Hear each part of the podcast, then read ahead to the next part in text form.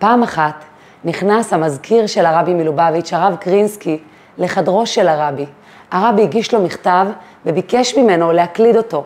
זה היה מכתב שהרבי קיבל מאדם שביקש עצה או ברכה, והרבי כתב לו מענה מאוד מאוד ארוך בכל המקומות הריקים שבתוך המכתב של האדם עצמו. אלה היו המון המון מילים עם חיצים וסימונים, איפה זה מתחיל ומה ההמשך. המזכיר הסתכל על המכתב במבט של, אני לא יודע איך אני אעשה את זה. והרבי הסתכל עליו ואמר לו ביידיש ועודד אותו, מילה ועוד מילה, שורה ועוד שורה. פגישה עם פרשת עקב, שתלמד אותנו מה אנחנו עושות עם רשימת ה-to-do list, העשייה הבלתי נגמרת שלנו, שלפעמים לגמרי גורמת לנו להרים ידיים ובכלל לא להתחיל. ולפני שנתחיל, אני כמובן מזמינה אתכם, כמו כל שבוע, אם לא עשיתם את זה עד עכשיו, להירשם כאן למטה ולקבל מדי שבוע מהערוץ הזה עדכון על פגישה חדשה ומרגשת עם פרשת השבוע וחגי ישראל, וכמובן גם להגיב, לתת לייק, לשתף, גם כאן, גם בספוטיפיי, באפליקציות הפודקאסטים, לחפש פגישה עם הפרשה ולהפיץ הלאה כדי שכמה שיותר נשים ייהנו מהאור הזה של התורה שלנו, מהאור של פרשת השבוע. פרשת עקב פותחת במילה, והשם של הפרשה, רק עליו אפשר למסור כמה וכמה שיעורים. והיה עקב תשמעון. אנחנו יודעות שכל מילה בתורה היא מדויקת. היא לא סתם נבחרה בגלל שהצליל שלה יפה או באופן אקראי. היה אפשר לכתוב, והיה בגלל או אם תקיימו, והיה עקב תשמעון. למילה הזאת עקב יש הרבה מאוד פירושים, ואנחנו נעבור על כמה עיקריים שבהם. עקב תשמעון, עקב מרמז למצוות שאדם דש בעקביו, שכאילו דורך עליהם ברגליים. וזה בעצם אומר, הדברים האלה, השגרתיים, היומיומיים, שאנחנו כל כך רגילים לעשות אותם, עד שאנחנו כמעט דורכים עליהם. אנחנו לא שמים לב אליהם, אנחנו קצת מזלזלים בהם, אנחנו חושבים שהם פחות חשובים מהדברים הגדולים, אנחנו חושבים שהמצוות האלה פחות משמעותיות מהמצוות הגדולות. למה? כי אנחנו עושים את זה כבר באוטומט, כן? אני קמה בבוקר ומיד נוטלת ידיים. בתשעה באב הייתי צריכה להזכיר לעצמי שאני לא יכולה ליטול ידיים כרגיל, וזה רק חלק מהיד. מרוב שזה אוטומטי, מרוב שאני דשה את זה בעקביי. ומה הבעיה לדוש בעקביי מצוות או מעשים טובים של היומיום, שאז אני מגיעה למצב שאני מזלזלת בהם, ויש מצב שאני לא אעשה אותם בכלל, או שאפילו העובדה שאני אחשוב שהמצוות או המעשים האלה שווים פחות, גם בזה יש בעיה. עקב תשמעו, זה אומר שאני צריכה לשמוע לקולו של השם ולקיים את הכל מקבלת עול, גם כשמדובר בדברים הגדולים וגם כשמדובר בדברים הכי קטנים. למה? העקב, כמו בגוף שלנו, אמנם זה המקום הכי נמוך שעליו אנחנו דורכים, אבל אדם לא יכול להיות שלם בלי העקבים שלו.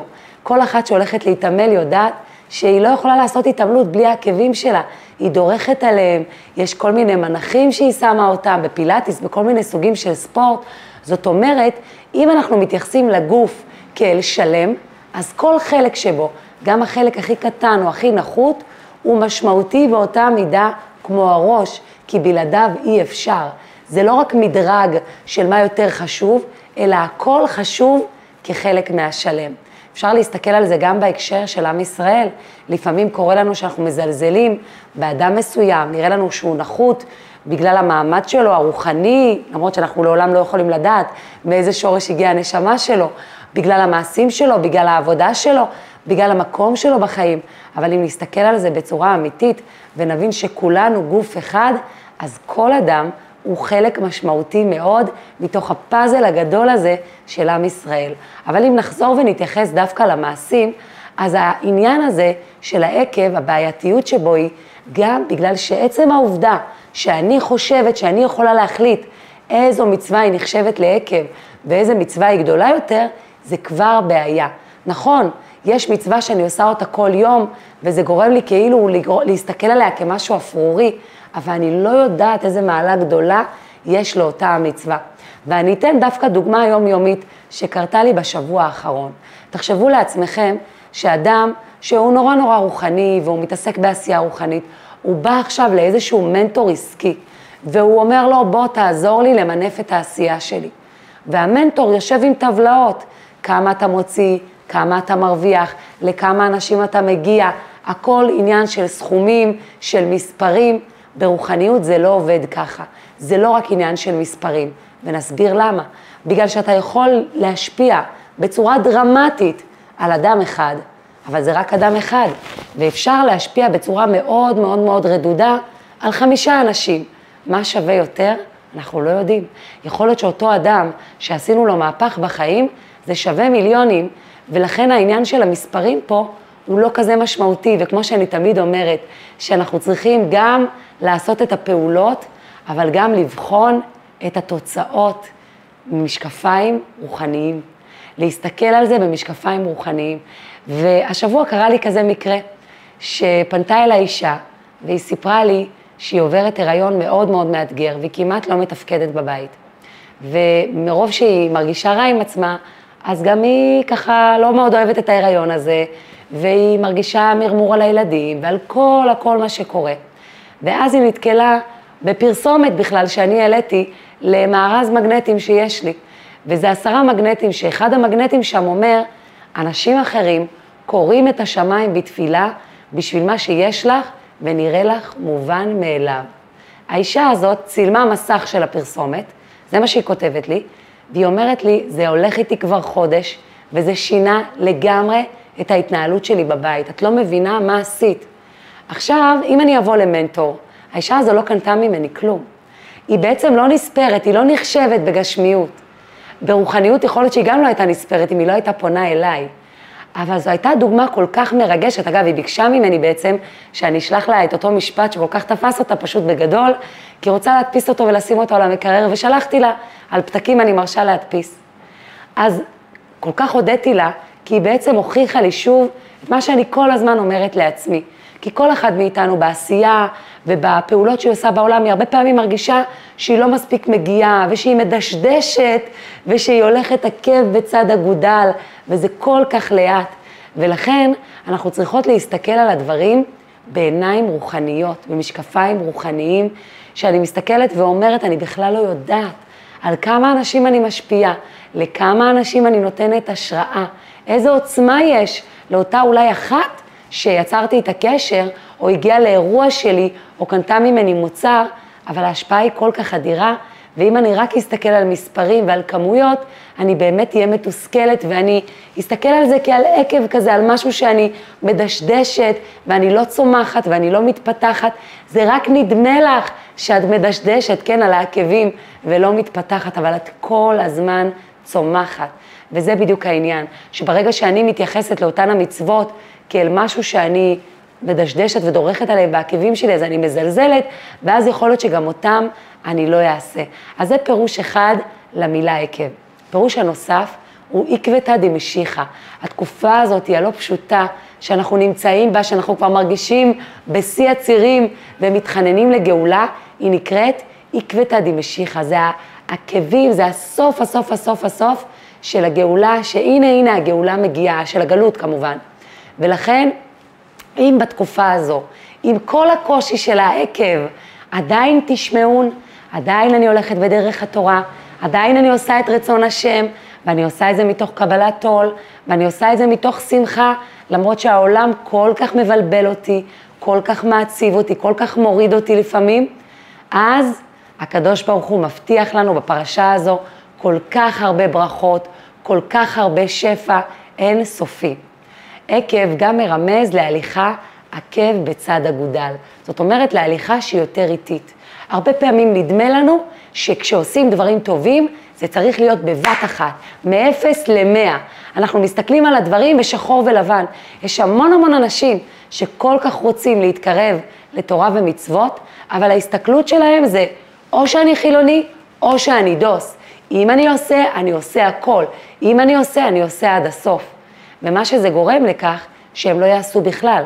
והרבה פעמים זה גורם לכך שאנשים עושים שינוי מאוד מאוד קיצוני בחיים, וכמו שהם לקחו על עצמם, ככה הם עוזבים הכל, כי זה יותר מדי קיצוני לנפש, כי זה כמו איזה אופנוע מרוץ שבבת אחת עושה מהלכים, ואנחנו צריכים להיות כמו ספינה שהיא שטה ומפליגה בשלווה, באמונה, והתנועות של ההגה הן שקולות, הן מדודות, ולכן הן גם לאורך זמן, הן מובילות את הספינה בבטחה. ואם אנחנו רוצים לעשות איזושהי פעולה, לזכור שיש כוח לכל פעולה הכי קטנה. לא מזמן קראתי ספר על הכוח של הפעולות הקטנות, ספר שהוא סוג של שיטה יפנית, ושם נותנים לאנשים שרוצים מאוד לעשות ספורט ולא מגיעים לזה, נותנים להם משימה כל יום ללבוש בגדי ספורט, רק ללבוש אותם, לא לעשות כלום. עכשיו זה נראה, מה באמת, אני אלבש בגדי ספורט וזה מה ש... כן, זה משפיע.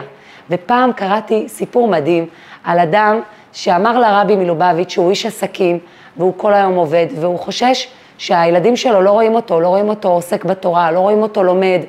אז הרבי נתן לו עצה, והוא אמר, אין לי זמן.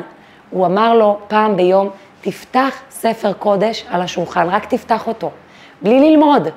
וכמובן שזה השפיע עליו בצורה מדהימה, כי ברגע שהוא פתח הוא אמר, מה, אני אפתח ואני לא אלמד?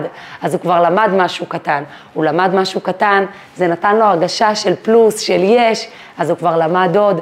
ומהפעולה הקטנטנה, מהעקב הזה, מהעקב בצד אגודל הכי קטן שיש, הוא הגיע לעשייה גדולה. וזה ככה עובד.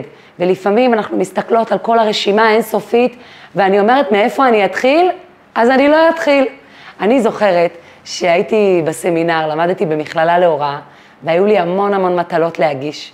והסתכלתי על כל המטלות שעל השולחן הדמיוני שלי, ומרוב ייאוש לא עשיתי בכלל. ויום אחד התייעצתי עם אישה, עם משפיעה שהייתה לי. הרבי מלובביץ' נותן טיפ שכל אישה, כל גבר, ייקחו על עצמם משפיע, אם זה גבר, משפיעה, אם זו אישה, אדם שאני מחזיקה ממנו ברוחניות, שאולי הייתי רוצה להיות כמוהו, ואני מתייעצת איתו, ואני מתייעצת איתו בעניינים של השקפה, בעניינים רוחניים, זה דבר מאוד מאוד עוצמתי. אז אמרתי לה, אני לא יודעת מה לעשות. אז היא אמרה לי, את לא יודעת מה לעשות? לעשות. לעשות. אל תחליטי, אל תחשבי, פשוט תעשי. אבא שלי פעם גם נתן לי טיפ שמאוד מתחבר לי לעקב בצד אגודל, ונדמה לי שכבר דיברתי עליו באחת הפגישות לפני כמה חודשים טובים, אבל תמיד טוב להיזכר בזה שוב. הוא אמר לי, והוא אה, מגיע ממקום שהוא פרופסור, שעשה לא מעט אה, הרצאות ועבודות ודברים שצריך להגיש אותם בצורה, ברמה מאוד מאוד גבוהה. אז הוא אמר לי, תעשי גרוע ואז תשפרי. הבנתם? עקב בצד אגודל.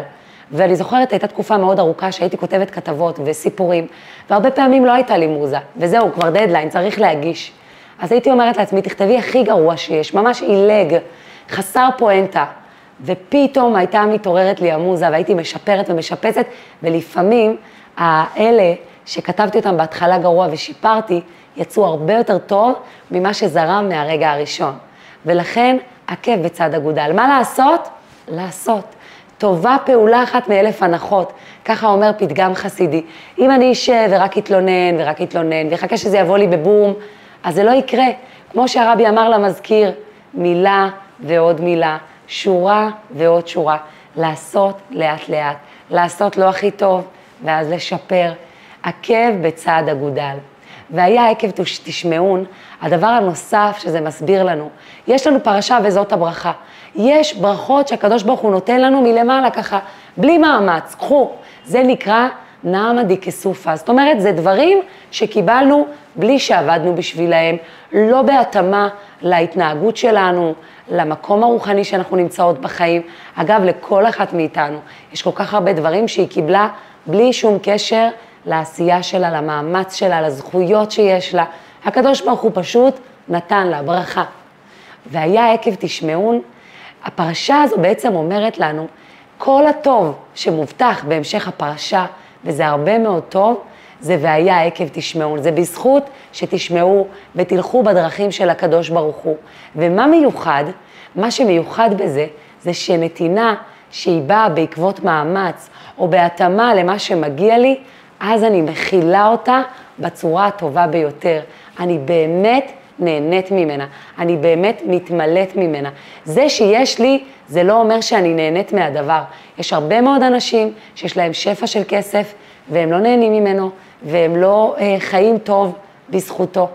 ויש הרבה מאוד אנשים שיש להם כל מיני ברכות בחיים, בעל טוב, ילדים בריאים, והם לא נהנים מהם. גם כי הם לא מבחינים בזה, ואולי גם כי הם לא מספיק התאמצו בשביל זה.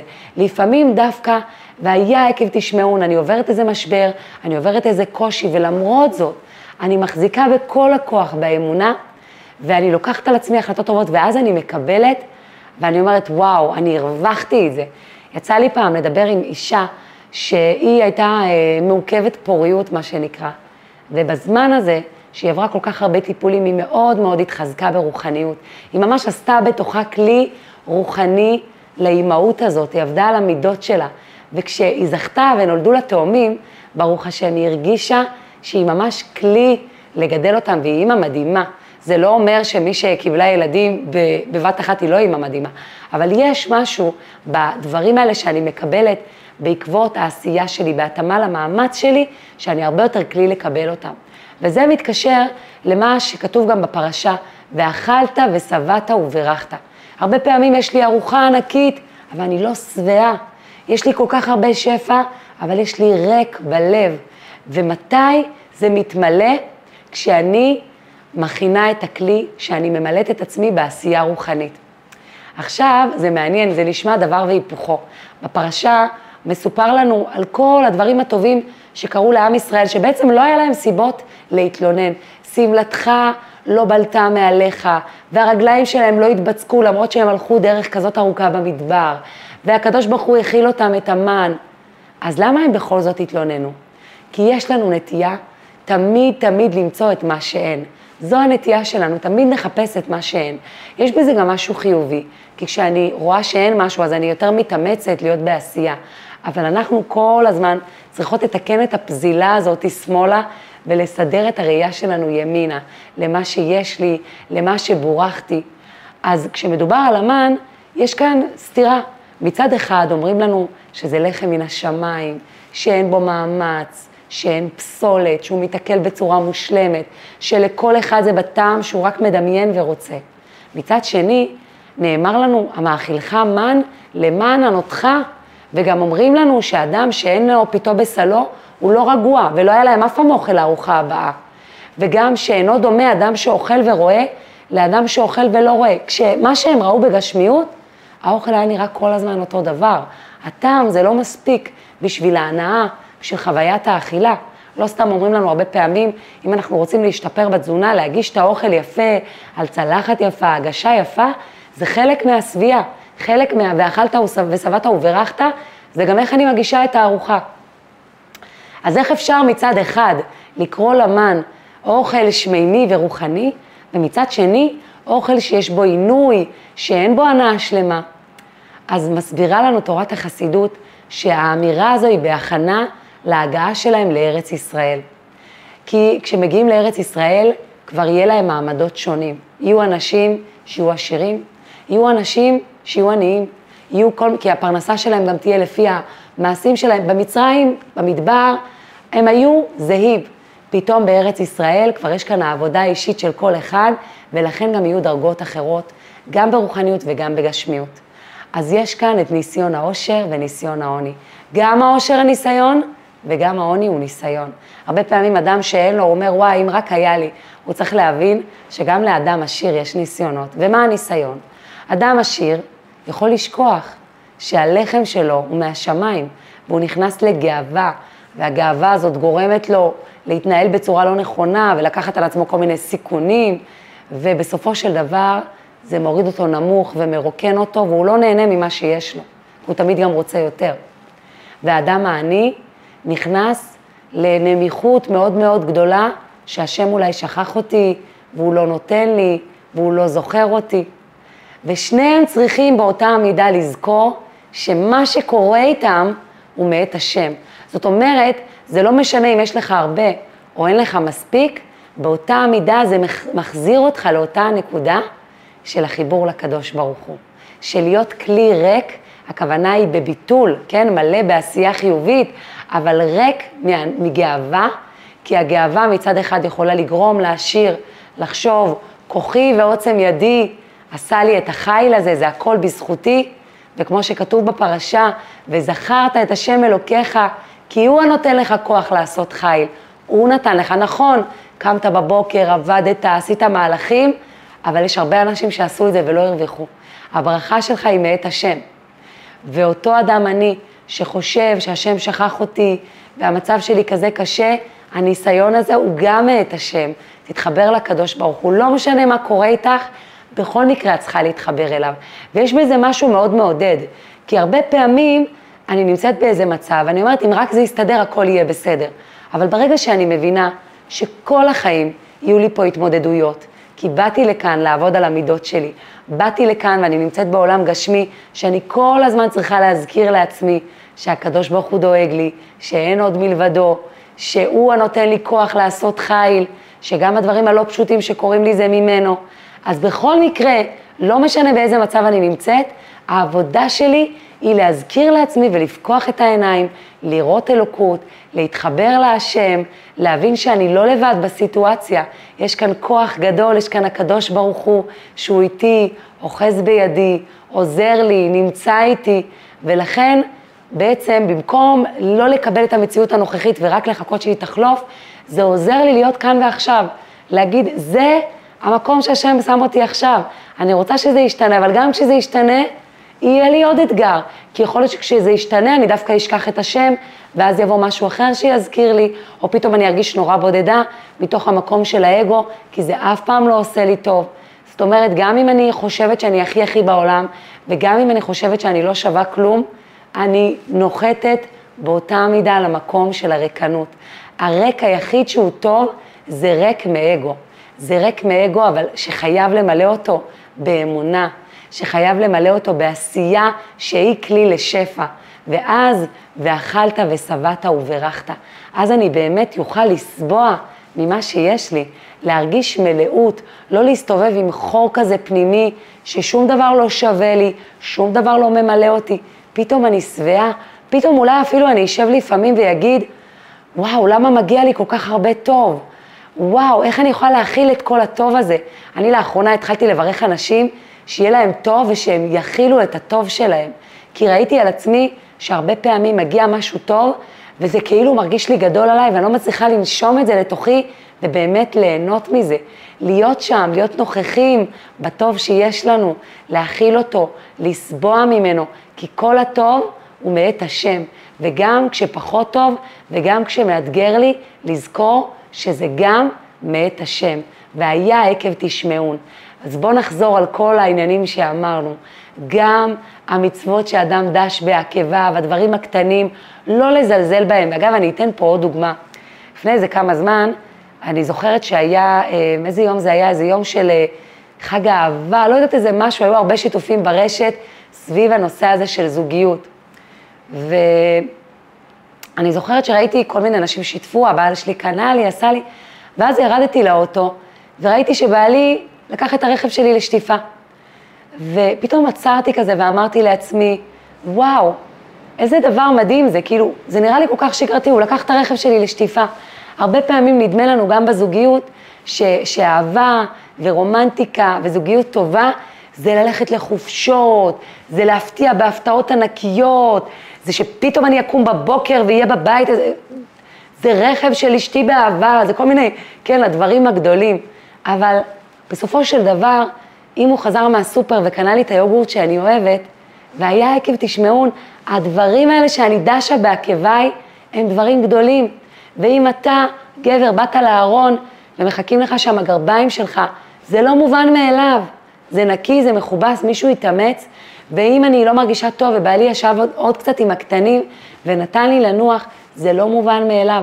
כל הדברים האלה לא מובנים מאליהם, וברגע שאני אסתכל בזוגיות שלי, בהורות שלי, על כל הדברים האלה שאני דשה בעקביי, כן? ילד אמר תודה כשהבאתי לו לאכול, ואחרי זה הוא עשה משהו ואני אומרת, יואו, הוא לא מקשיב לי, לא... אבל הוא אמר תודה. אז הוא כן, הוא כן מחונך, והוא כן מקשיב.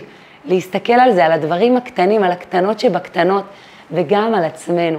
כי יש לנו נטייה, גם על עצמנו, להסתכל על כל העשייה היומיומית שלי, כאילו דברים שאני דשה בעקביי, ברור, ברור שאני קמה בבוקר ומארגנת את הילדים, ברור שיש בגדים נקיים, ברור שאני זוכרת את כל הדברים שהם צריכים להביא לקייטנה או את רשימת הספרים ללימודים, לא, להעריך גם את העקבים האלה, גם הדברים הקטנים והשגרתיים האלה, לעצור רגע, להגיד לעצמי, כל הכבוד לך, את אימא מדהימה, את אישה אחראית, את עושה כל כך הרבה דברים, ודווקא זה ייתן לי מוטיבציה לעשות גם את הדברים הגדולים, ושיהיה לי אנרגיה, במיוחד בחופש הגדול, כשהימים האלה באמת נראים כמו עקבים שאני דשה, ועוד יום ועוד יום, ומה עושים איתם?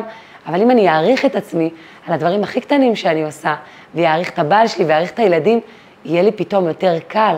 כן, העקבים האלה, הקטנות האלה, הם שווים המון. והיה עקב תשמעון, ועקבתא תמשיכה, בתקופות הכי קשות, גם בחיים שלי, לשים לב אם אני ממשיכה לעשות את הדברים, ומתוך שמחה ומתוך קבלת עול, גם כשלא קל לי, גם כשלא בא לי, גם כשאני מרגישה שאין לי כוח ואני צריכה לעשות את הדברים האלה ואני עושה אותם, כמה זה מיוחד, כמה זה מדהים. והיה עקב תשמעון, לזכור שעקב בצד אגודל, ההתקדמות היא איטית. גם אם אני רוצה לקבל על עצמי איזו מצווה, איזה מנהג רוחני, לזכור, אף אחד שם בשמיים לא מסתכל ואומר, או שהיא לוקחת הכל, או שהיא לא שווה כלום, ממש לא. כל מצווה בפני עצמה. כל מצווה כשאני מקיימת אותה, ברגע הזה ממש אני צדיקה, גמורה, כי בכל רגע ממש העולם נברא מחדש. ולכן כל מעשה שלנו הוא נחשב ונבחן בפני עצמו, ואפשר כל כך להרוויח מלהחליט, בסדר, אני לא מקיים את הכל, אבל אני רק אטול ידיים ואגיד מודה אני בבוקר. אני אתחיל את היום שלי בחיבור לרוחניות, ואני רק אני אגיד שמע ישראל לפני שינה, אני אזכיר לעצמי וארגיע את עצמי שהשם אלוקינו השם אחד, יש כאן אלוקים שמנהל את כל ההצגה הזאת. לא צריך להיות בלחץ, חבל על הלחץ והדאגה, אלוקים מנהל את ההצגה, אני אלך לישון אחרת לגמרי. ואני יכולה להחליט שרק מודה אני ורק שמע ישראל, לפתוח את היום ברוחניות, לסיים את היום ברוחניות. ויכול להיות שאחרי זה אני ארצה גם פרק תהילים אחד באמצע היום, ככה רסיסים קטנים, עקבים של קדושה, של עוצמה, של כוח, ואז זה לא מפחיד אותי, ואני לא צריכה עכשיו לשנות את כל החיים שלי, אבל אני גם לא מפסידה כל כך הרבה רוח ואווירה וחיבור לקדוש ברוך הוא, שנותן לי המון המון כוחות, והיה עקב תשמעון, עקב בצד אגודל, עקבים, צעדים קטנים שהם עולם ומלואו, שהם מצטברים, שהם משפיעים, שהם הופכים אותי להיות אדם הרבה יותר רוחני, אדם הרבה יותר מואר, אדם שיש לו כוח להתמודד עם כל רשימת המטלות, ופתאום היא כבר לא כל כך מפחידה אותי, כי הקדוש ברוך הוא איתי, אני לא לבד מול זה, ואני מעריכה את עצמי על המעשה הכי קטן, זה נותן לי חשק לעוד מעשה קטן ועוד מעשה קטן, ופתאום השולחן מתפנה, ולא רק שהוא מתפנה, זה נעשה מתוך שמחה, זה גם לא צריך להיות מושלם, עקב בצד אגודל, ואם אני יכולה אני אשפר, ואם לא, עדיף לעשות מאשר לא לעשות בכלל. עוד שורה ועוד שורה, עוד מילה ועוד מילה, וככה אני ארגיש סיפוק וכוחות, ואזכה להאיר את העולם בכל כך הרבה אור. והרבי מלובביץ' אומר שפעולה אחת קטנה, אפורה ויומיומית, יכולה להצדיק חיים שלמים. אומר הבעל שם טוב, נשמה יהודית יורדת לעולם הזה וחיה 70-80 שנה, היום זה כבר יותר, ולו בשביל לעשות טובה אחת ליהודי בגשמיות ובפרט ברוחניות. אני בכלל לא יודעת כמה דברים אני עושה, אין לי מושג, ולכן איזו השפעה אדירה יש בכל רגע בחיים שלנו, ואנחנו צריכות להסתכל על זה, להעריך את זה, ומתוך הערכה לעקבים הקטנים האלה, יהיה לנו אנרגיה, תהיה לנו מוטיבציה לעשייה גדולה ומשמעותית מתוך חיבור, מתוך אמונה. ומתוך הערכה לעקבים הקטנים האלה, אנחנו נזכה לעשות טוב ולהיות כלי לכל כך הרבה שפע. ואכלת ושבעת וברכת, לסבוע, להרגיש מלאות מהטוב, להרגיש שאני יכולה להכיל את השפע ואת הטוב, וככה הוא גם יבוא אליי יותר, אני לא אפחד ממנו. ובעזרת השם, בזכות המעשים הקטנים, נתקרב עוד צעד ועוד צעד לקראת הגאולה, בקרוב ממש.